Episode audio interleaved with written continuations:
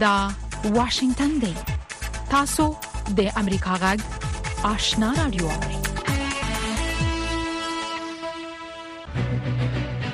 قدرمن اوریدونکو السلام علیکم زه شافیا سردار یم دا د امریکا جغ آشنا رادیو خبرونه پیل شوه لومړی به خبرونه واوري السلام علیکم درنو اوریدونکو تاسو د امریکا غږ آشنا رادیو نه د دې سات تازه خبرونه اورئ زه سید سلیمان آشنا یم د ملګرو ملتونو د نشئی توکو او جرمونو سره د مبارزې دفتر ویلي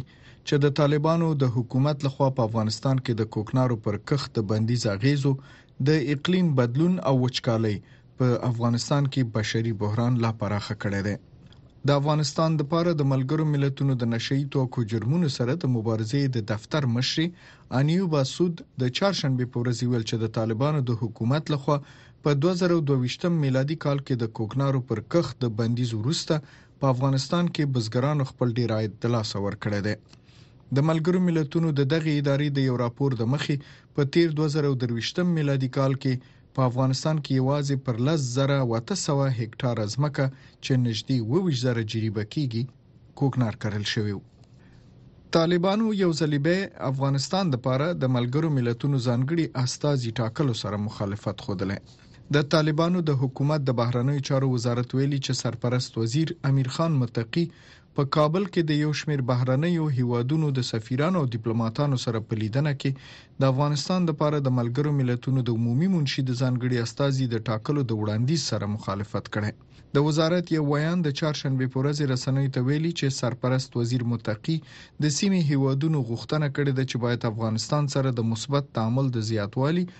او دوام لپاره سیمه ایزې سلا مشورې تر سره کړي د ملګرو ملتونو امنیت شورا د تیر 2023م کال د دسمبر په 9مه د افغانستان او د طالبانو رهبری سره د تعامل د بڼې لپاره او همدارنګ د یو ځانګړي استاذي د ټاکلو په اړه یو پریکړه لیک تصویب کړو ملګری ملتونه بل میاشت په قطر کې د افغانستان په اړه مشورتي غونډه جوړي د ملګرو ملتونو د عمومي منشي ویاند ویي، ټاکل شوې د دغې ټولنې په کوربه توب به د راروانې فبرورۍ د میاشتې په اتلسمه او نولسمه د قطر په پایتخت دوحه کې د افغانستان په اړه دویمه مشورتي غونډه جوړه شي. د ملګرو ملتونو د عمومي منشي ویاند سټیفن دوجاریک د چهارشنبې په ورځ د جنوري په څلوېښت مه په نیویارک کې یو خبري کنفرانس ته د وینا پر مهال خبریالانو ته وویل چې په دوحه کې په دې جوړیدونکې غونډه کې به د افغانستان لپاره د یو شمېر هیوادونو ځانګړي استازي او د سیمه ییزو سازمانونو استازي برخه واخلي خاغلی دوجارک وویل د دې غونډې هدف په دې اړه بحث کول دي چې څنګه د افغانستان په اړه د خپلواک ارزونکو سپارښتنو ته د پاملرنې په ګډون په لا همغږي او رغنده ډول سره نړیواله بوختیا زیاتول شو په قطر کې دا غونډه په داسې حال کې جوړیږي چې د طالبانو او د خزو استازو ته هم د ګډون بلنه ورکړل شي او کنه ناشاباش نه امریکا غاک واشنگټن پاکستانی طالبان وایي د پاکستان پر راتلونکو ټاکنو کې په عامو خلکو بریدونه نه کوي د پاکستان یوې وسلوالې ډلې تحریک طالبان پاکستان چې په ټي ټي پی مشهوره ده ویلي د راتلونکو فبروري میاشتې په اتمه د پاکستان په انتخاباتي غونډو به حمله نه کوي او بریدونه یې د پوز پورې محدود دي د اسوسییټډ پریس خبري اژانس په قول ټي ټي پي په یو بیان کې ویلي چې انتخاباتو او ټاکنو کې د سیاسي ګوندونو سره کار نه لري. د پنجشنبې په ورځ په پیښور ښار کې په دوو وسلوالو بریدونو کې یو پولیس او یو پوځي افسر وژل شوی خو معلومه نه شو چې بریدونه پرې چا کړي دي. په پاکستان کې راتلونکې فبروري میاشت په اتمه پارلماني انتخابات کیږي او خلکو سره سر له اوسه په سرکونو او ودانیو د مختلفو سیاسي ګوندونو شعارونه او د کاندیدانو انځورونه ځړولي دي. امریکا په غزه کې د ملکیانو وژنه غندلې او پر اسرائیل یې د مخنیوي غږ کړی په جنوبي غزه کې د ملګرو ملتونو پر یوې سرپناه باندې د خونړي برید وروسته امریکا په غزه کې د ملکیانو وژنه غندلې او د بهرنیو چارو وزیر انټونی بلنکن په اسرائیل یو ځلې به غږ کړی دی چې د ملکی خلکو ژوند ته پاملرنه وکړي د جنوبي غزې تر ټولو ستر ښار خان یونس کې د پنځشنبه پورزي چې د جنوري 25مه و جګړې په داسې حال کې زور واخستو چې ملګرو ملتونو ویلیو پر یوې سرپناه د اسرایل د ټانکونو د برید په نتیجه کې د مړو شمیر 12 ته رسیدلی دی د اسرایل پوز د دغه برید په اړه د پښتنې په جواب کې ویلي چې په دغه سیمه کې د خپلو ځواکونو د ترسره شوو عملیاتو بشپړه څېړنه کوي د امریکا پخوانی جمهور رئیس ډونالد ټرمپ خبرداری ورکوي چې د اوکراین، اسرائیل او تایوان سره د څه ناڅه 1.8 میلیارد ډالرو بهرنۍ مرستې پلان به شنډ کړي او د مهاجرت اړوند قوانین به نور هم سخت کړي. په دې دواړو مسلو باندې سپینې ماڼۍ او په مشرانو جرګه کې د دواړو ګوندونو استازو په میاشتو کار کړی دی. ټرمپ چې د تیرې سې شنبې په ورځ یې په دوه مهمو ایالتونو کې د ګوندي ټاکنو په سیالۍ کې د راتلونکو جمهوریت ریاست ټاکنو لپاره نوماندي ګټلې ډیر ګمان کیږي چې د خپل ګوند عمومي نومان هم شي د فرانسې جمهور رئیس هند ته تللی دی د فرانسې جمهور رئیس امانوئل ماکرون د پنځشنبې په ورځ د هند لویدیځ ښار جیپور ته ورسېدو او دوه ورځې به په هند کې تیرې کی د اسوشیټډ پریس آژانس لیکلی چې هند د جمعې په ورځ د جمهوریت ورځ المانزي او د فرانسې جمهور رئیس امانول ماکرون به د هند د مشر ملما په توګه حضور ولري او امریکا په ترکیه د اف 14 ډول جنگي جټ الوتکې پلوري په ترکیه کې د امریکا سفیر ویلي په راتلونکو څو ورځو کې به د ترکیې جمهور رئیس رجب طیب اردوان په ناتو کې د سویډن غړیتوب تایید کړي چې په بدل کې به یې انقرې ته د امریکا د اف 14 جنگي الوتکو د پلورلو په برخه کې چټک ګامونه پورته شي دا و د دې سات خبرونه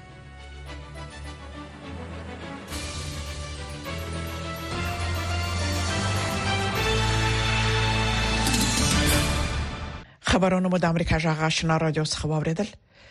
قدرمن اوریدونکو زموږ په دې سهارنۍ پښتو خبرونه کې د افغانستان سیمه او نړۍ د اوسنیو حالات په اړه کې مهم مطالب او د امریکا جغ سرمقاله لرو هله د چ خبرونه تر پای ووري لومړی به دا راپورټ ووري چې په افغانستان کې د ملګرو ملتونو د نشي موادو او جرمونو سره د مبارزې دفتر یو ان او ډي سي مشروعي لچې د طالبانو د حکومت لخوا د کوکنارو پر کښت د بندیز اغیزو، د اقلیم بدلون او وچکالۍ په دغه هیواد کې بشري بحران لا پراخ کړی دی. میرمن انیوبا سود ویلي چې افغانان په افغانستان کې د څو اړخیز بشري بحران سره مخامخ دي.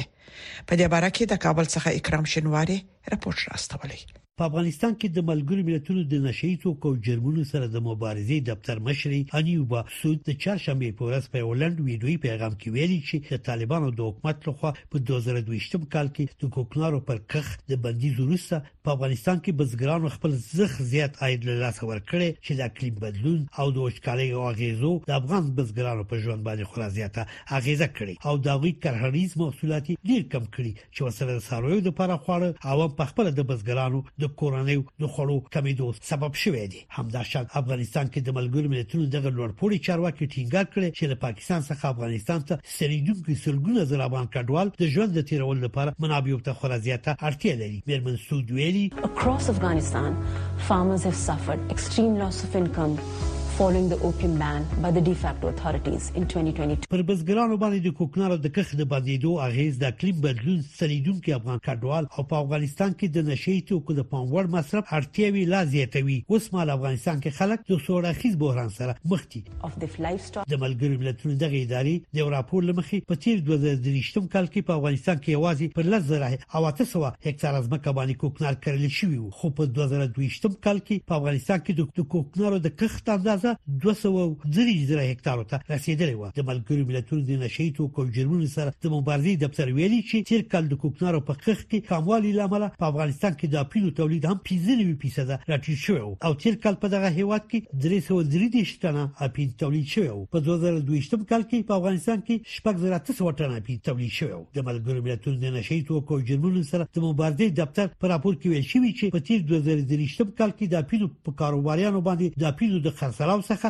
د بزګرانو عاید 2.5% کم شوی و د دغه دفتر شمیرې دی خې چې په 2022 کال کې د پیلو تولید څخه د ترلاسه شوو پیسو اندازه 1 میلیارډ او 380 میلیونه ډالر و خو په تیر 2023 کال کې دا اندازه یوازې 110 میلیون ډالر ته راټیټه شوې ده په افغانستان کې د ملګرو ملتونو د نشي توکو او جرمونو سره د مبارزې دفتر مشري انیو باسود په ټوله نړۍ کې بحران پر اخیدو ته په کتنې ویلي چې باید د لپام او نه غورځول شي چې په افغانستان کې اړتیاوې خورا زیاتې دي او په دغه هیواد کې روان بحران به بالکوه پاجې لرونکي پیلې ولري مرمن سود ویلي Now is the time to step up for the people of Afghanistan. اوس د دې وخت دی چې د افغانستان خلکو لپاره ګام پورته کړو او هغوی له یاده ونه باسو. Forget them. د دې د مخه د ملګرو ملتونو د بشري مرستو د همغږۍ دفتر اوچا تیره اونۍ په افغانستان کې د وچکالۍ د اغیزو په اړه ژوره اندېښنه ښودلې وه. اوچا ویلي چې په افغانستان کې تر اوسه د 2023 او 2024 کلونو ژمي په فوق العاده توګه وچ او ګرم دي. دغه ادارې خبرداری ورکړی د واورو او باران د اورښت پرته به دا هیواد ممکن یو ډیره سخته وچکالي تجربه کړي چې پایلې به ډېری زیان لرونکي وسی د ملګرو ملتونو د بشري مرستو د افغانګي دفتر اوچا ویلي چې وچکالي به په افغانستان کې للمي او د بولاندې پسونه لمنځه یوسي چې په ډلهییز ډول د کورنۍ د بیځای کېدو سبب بشي انتظار پای ته ورسید ترنو لیدونکو او اوریدونکو تاسو کولی شئ د امریکا غا ټلویزیونی او رادیوي خبرونه د یاشر ساتلایت له طریقو وګورئ او واورئ د نوي ساتلایت لارې تاسو د آشنا اتصال او کاروان ټلویزیونی خبرونه کتلای هم شئ د امریکا غږ د افغانستان څنګه خبرونه په 309 پټ چنل او د آشنا رادیوي خبرونه په 309 پټ چنل کې اوریدلای شئ لملتيامو د تل پشان مننه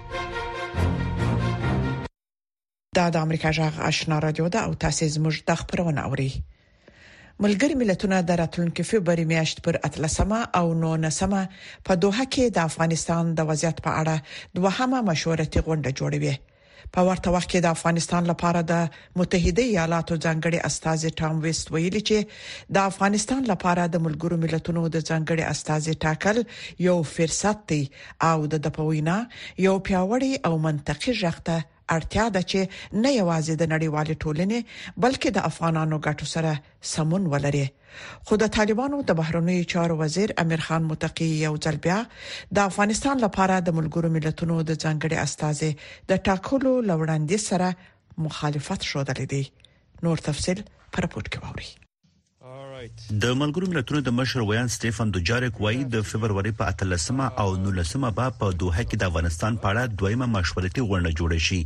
ټاکل شوې چې په دې غونډه کې د افغانستان د وضعیت په ځانګړي توګه د مرمنو د وضعیت په اړه بحث وشي د دې غونډې هدف په دې اړه بحث کول دي چې څنګه د افغانستان په اړه د خپلواک ارزونکو سپارښتنو ته د پاملرنې په ګډون په لا همغږۍ او رغنده ډول سره نړیواله بوختیا زیاتولی شو. د ملګرو ملتونو له خوا لومړنۍ مشورتي غونډه د دوه زره درویشت کال د مې د میاشتې په لومړیو کې د طالبانو د حکومت استازو پرته ترسره شوې وه او لا تر اوسه څرګنده نه ده چې دا ځل به بلنه ورکړي که نه. د تېرې غونډې هدف د طالبانو سره د تعامل په اړه د نړیوال ټولنې یو ګډ تفاهم ته لاسرسی ښودل شوی و. په دغه غونډه کې د بشري حقونو په ځانګړي ډول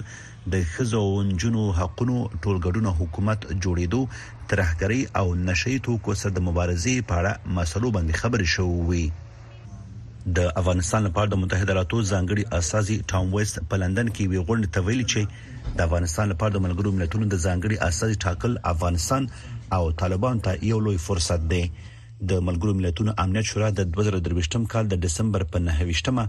افغانستان او د طالبانو رهبری سره د تعامل د بڼ لپاره او همدارنګه د یو ځانګړي استاد د ټاکلو په اړه یو پریکړه لیک تصویب کړی وو موږ یو پیاوړي منطقي غږ ته اړتیا لرو چې نه یوازې ګټې نړیوالې ټولنې بلکې د افغانانو ګټو سره سمون ولري موږ یو پیاوړي باصلاحیته کس ته اړتیا لرو چې نه یوازې په افغانستان کې کار وکړي بلکې مهمو هیوادونو سره کار او مشورې وکړي خو د طالبان د بهرنیو چارو وزیر امیر خان متقی په کابل کې د میشتو یو شمیر بهرنیو هیوادونو د سفیرانو او ډیپلوماټانو سره په کتنه کې یو ځل بیا افغانستان لپاره د ملګرو ملتونو د مشر د ځانګړي استازي ټاکلو لوړاندیز سره مخالفت ښودلی دی. په افغانستان کې کړکېچ شتون لري اجتماعي سیاسي امنیتي کړکېچ او د لپاره بین ملي ټولنه غواړي چې په دې حالت کې بدلون راوړي د دریم خوا دا, دا هم ثابتوي چې طالبان مشروعیت نه لري په افغانستان کې او دا مشروعیت په افغانستان کې باید د همدغه ځانګړي استازي د فعالیت په پایل کې په پای کې ترلاسه شي او دا دا هغه مسایل دي چې طالبان پر پوهیږي چې کچېره د اساس یو ټاکل شي نو دوی د ته مکلف کیږي چې د ټولنې سره همکاري وکړي له دې ټولو سره سره د ملګرو ملتونو د نشي توکو او جرمونو سره د مبارزې دفتر یا یو ان او ډي سي ویلي چې د طالبان د حکومت لخوا په افغانستان کې د کوکنارو پر کښت د بندیز اغیزو د اقلیم بدلون او وچکالۍ په دغه هیواد کې بشري بحران لا پراخ کړی دی وحید فیضی د امریکا غږ واشنگتن متضاد اړخونه بیلابیل دریزونه د سپیناوي تود مخامخ بحث او په اخر کې قضاوت ستاسو پر مهمو سیاسي امنیتي اقتصادي او ټولنیزو مسایلو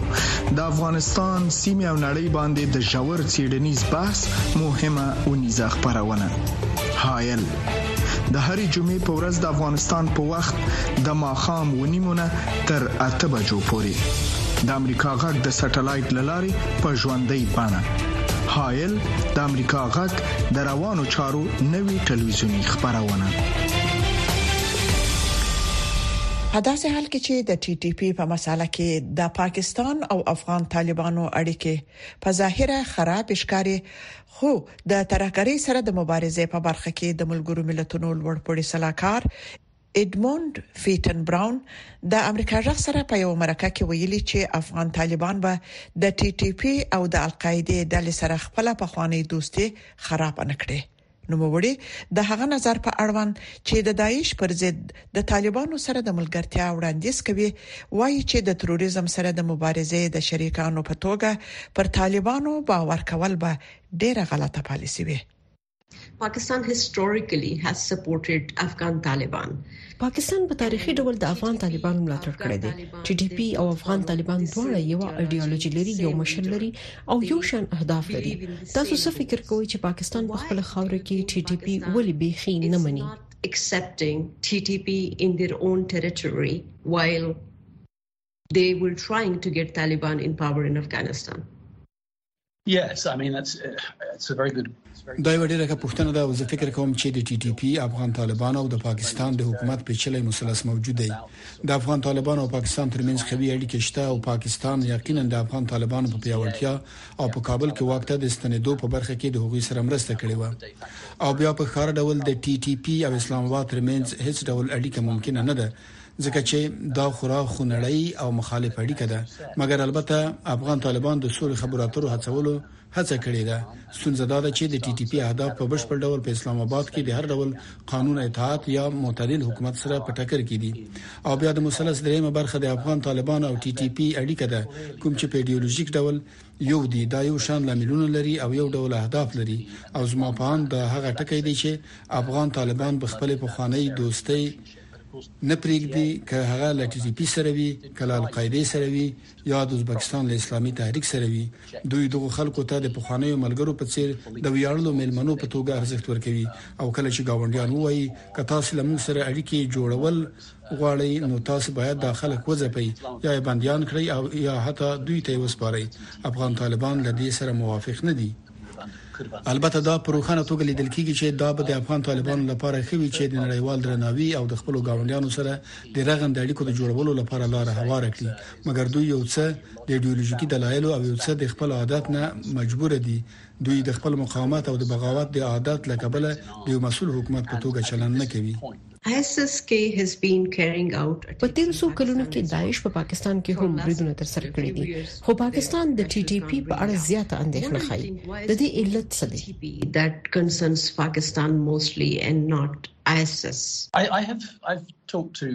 ما په دې ورستیو کې د پاکستان د حکومت له استازو سره خبرې کړې دي او هغوی د داعش په اړه اندېښمن دي دا سند چې دوی د داعش په اړه اندېښمن دي خو زه فکر کوم چې دوی شمېرو ته ګوري، په افغانستان کې د داعش په پرتله د پاکستاني طالبانو غړي زیات شتون لري او بله دا چې داعش د طالبانو پر وړاندې د جګړې اعلان کړی دی.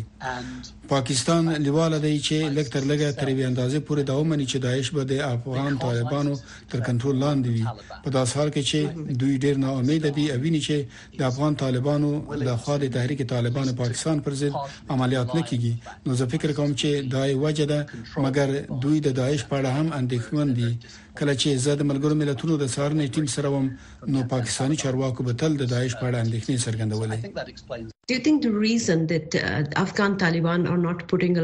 ستاسو په فکر افغان طالبان دا یې لري چې د پاکستان لپاره په ټي ټي پي فشار راوستلو نو دوی به داعش سره یو ځای شي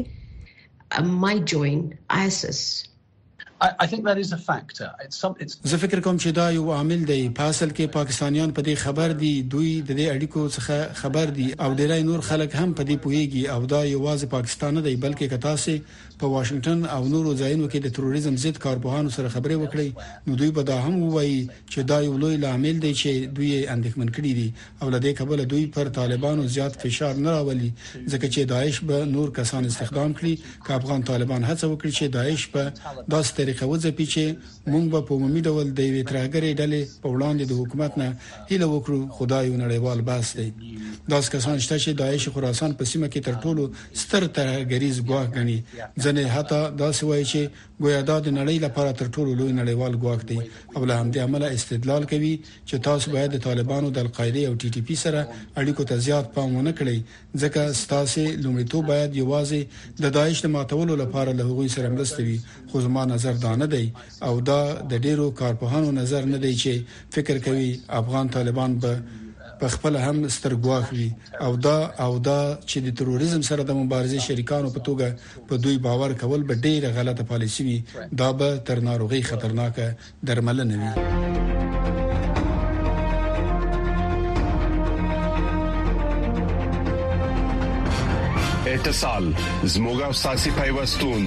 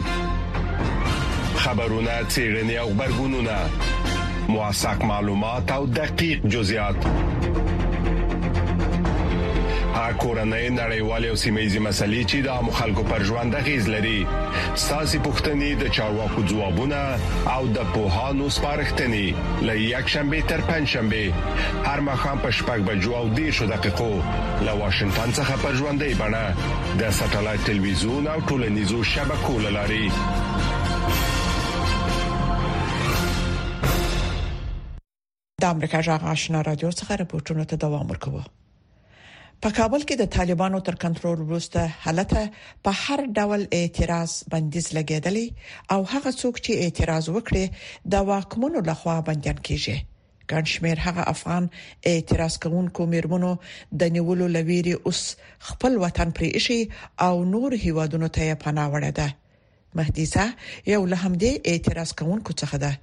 چې زموږ همکار ورسره مرکه کړې دا یو خونه د دې افغان فعال ټول کور دی او دلته ل تیرو څو میاشتو راځي په دې هله ژوند کوي چې ل دې خونه به یوې داسې نړۍ ته وځي چې د دې پر کار او ژوند پکې هیڅ بندیز نه وي از افغانستان در ماه جولای هفت جولای از افغانستان آمدم طرف پاکستان قسمی آمدم که خوب البته وضعیت خیلی خراب بود در زور پیسه یک رقمی کردم که بر خود ویزه بکشم چون قچاقی هم آمدن نمیتونستم ما دو تا خواهر بودیم که بدون چه بودیم یعنی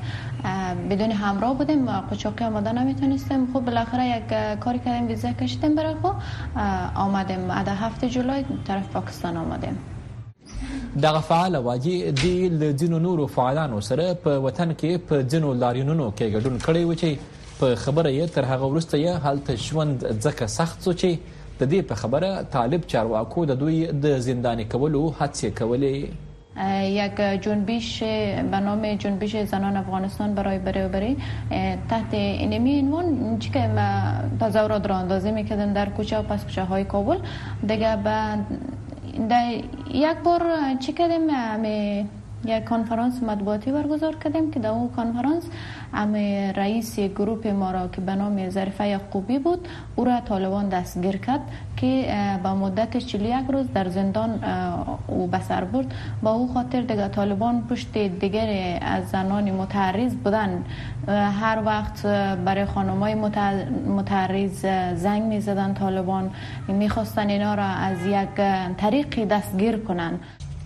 دغه فعال وايي پاکستان کې هم ژوند له سخت کړاو سره مخامخ دی او له دې سره چې د ویزې د تمدید لپاره د خواست ورکړی خو وايي رد شوی او مجبور ده چې په ناقانونه توګه دلته ژوند وکړي فعلا در پاکستان هم مشکلات های ما خیلی زیاد هست اعمال که هستم پول کافی نداریم حتی فعلا همه کرای خانه خود نداریم حقیقتش ما یک دو بار به چی خالیم همه خالیم در ایران است بر ما پول فرستاده دیگه کسی نداریم که ما را حمایت کنه این واقعا سخت میگذره بر ما اینجا که آمدیم ویزه ما تمام شد اکسپایر شد بعد از او دوباره اپلای کردیم بر ویزه دو بار ریجیک همه چی شد ریجیک شد ویزه ما پرون دوشنبه په افغانستان کې د ملګرو ملتونو مرستندوی پلاوي دفتر یوناما د افغانانو د بشري وضعیت په اړه په یو تازه راپور کې ویلي و چې په دغه هیواد کې وژنې په خپل سر د خلکو نیول او بندیانول لا هم دوام لري د طالبانو حکومت د یوناما د دغه ورستي راپور په خبرګون کې ویلي و چې دغه راپور تر ډیره په ناسم پوهاوی ولاړ دی دی اوس به د امریکا جغ سرمقاله ووري چې د امریکا د حکومت رسمي نظر څرګندوي د متحده ایالاتو د بهرنی چارو وزیر انټونی بلینکن د افریقا څلور هیوادونو ته د خپل سفر په محل په کیپ وردی کې د څلور ساعتونو لپاره د تم کېدو په محل په خپل وینا کې اعلان وکړ چې متحده ایالات یو شان د افریقا او د امریکا د ولسونو د ګډ خیر او ښېګڼې په خاطر له افریقا سره د ملګرتیا پیاوړې کولو او جوړولو ته ژمن دي بلینکن د کیپور دل ټاپوګان سره چې شاوخوا 1500 زره نفوس لري او خلک په پرتګالي ژبه خبرې کوي د متحده ایالاتو د غښتلې اقتصادي ملګرتیا ستاینه وکړه او ویل دا خبره فوق العاده مهمه ده چې کیپوردی لومړی هیواد دی چې د ملګرو ملتونو د همکارۍ د 15 کلنې ننګونې دوه تړونونه بشپړ کړل او وس د دریم تړون په بشپړتیا کار کوي زه د زړه له کومې ویاړم چې د پرایا د بندر په پراختیا کې موږ د پاملرنې وړ پنګونې په وسیله د یو تړون په بشپړولو کې مرسته وکړه بلنکن چې د بحث لپاره د مذاکراتو په ایجنډا کې روغتیا او روغتيایي امنیت شاملو د کیپ وردی مشرانو ته لملاریانا د خپل هواد په پا پاکولو کې د بریا د تصدیق پاڼې د خستل لامل مبارکي ویلا هغه همدا شان په کیپ وردی کې د سیاسي استحکام او ثبات ستاینه وکړه او ویل غواړم تاسو ته وایم چې د متحد چې د متحده ایالاتو لپاره کې پوردی واقعا په داسې یو وخت کې د ثبات یو روخانه څراغ او مشال له چې په سیمه کې زمنګ لوندنه زیاته بې ثباتی او ستونزې رامنځته شوي او البته چې دا د لویدیځ افریقا له سیمې نه اخوا هم اثر کوي او مونږه اثرات د نړۍ په مختلفو سیمو کې ګورو بلینکن زیاته کړه چې متحده ایالات لکه پر دې سره د قانون نافذولو او مخدره موادو د نیولو په برخه کې چې په دې وروستیو کلونو کې لا ډیر شو ټنون نه زیات مخدره مواد کشف کړي او نیولي په خپل ملګرتیا ویاړي کې پر دې د همکارۍ لپاره د شمالي اتلانتیک د ملګرتوب په ګډون په ګڼ شمېر هغو سازمانونو کې کلیدي او مهم رول لوبوي چې متحده ایالاتو او کیپ وردی دواړو ته یو شان خیر او ګټه رسیږي انټونی بلینکن زیات کړه چې د کیپ وردی اصل طاقت سولې امنیت استحکام او دیموکراسي ته پښمنتیا کړي او مونږ غواړو چې له دغه طاقتونو کې پوردیانو د نفي او ګټې لپاره او هم د امریکایانو د خېګنې بلکې په حقیقت کې د ټول نړۍ د ګټې لپاره کار وخلو بنا پر دې مونږ دلته د یوې روحي لمخې راټول شو چې دا د ملګرتوب روحیه ده او د هغه کار د قدردانۍ روحیه ده چې تر اوسه مو سرته رسولې د متحده ایالاتو او کیپوردی ترمنځ د هغه عزم او اراده روحیه ده چې په ګډه سره باید لا زیات نور کار وکړي تاسو د امریکا د سره کاله واورید چې د امریکا د حکومت رسمي نظر یې څرګند کړ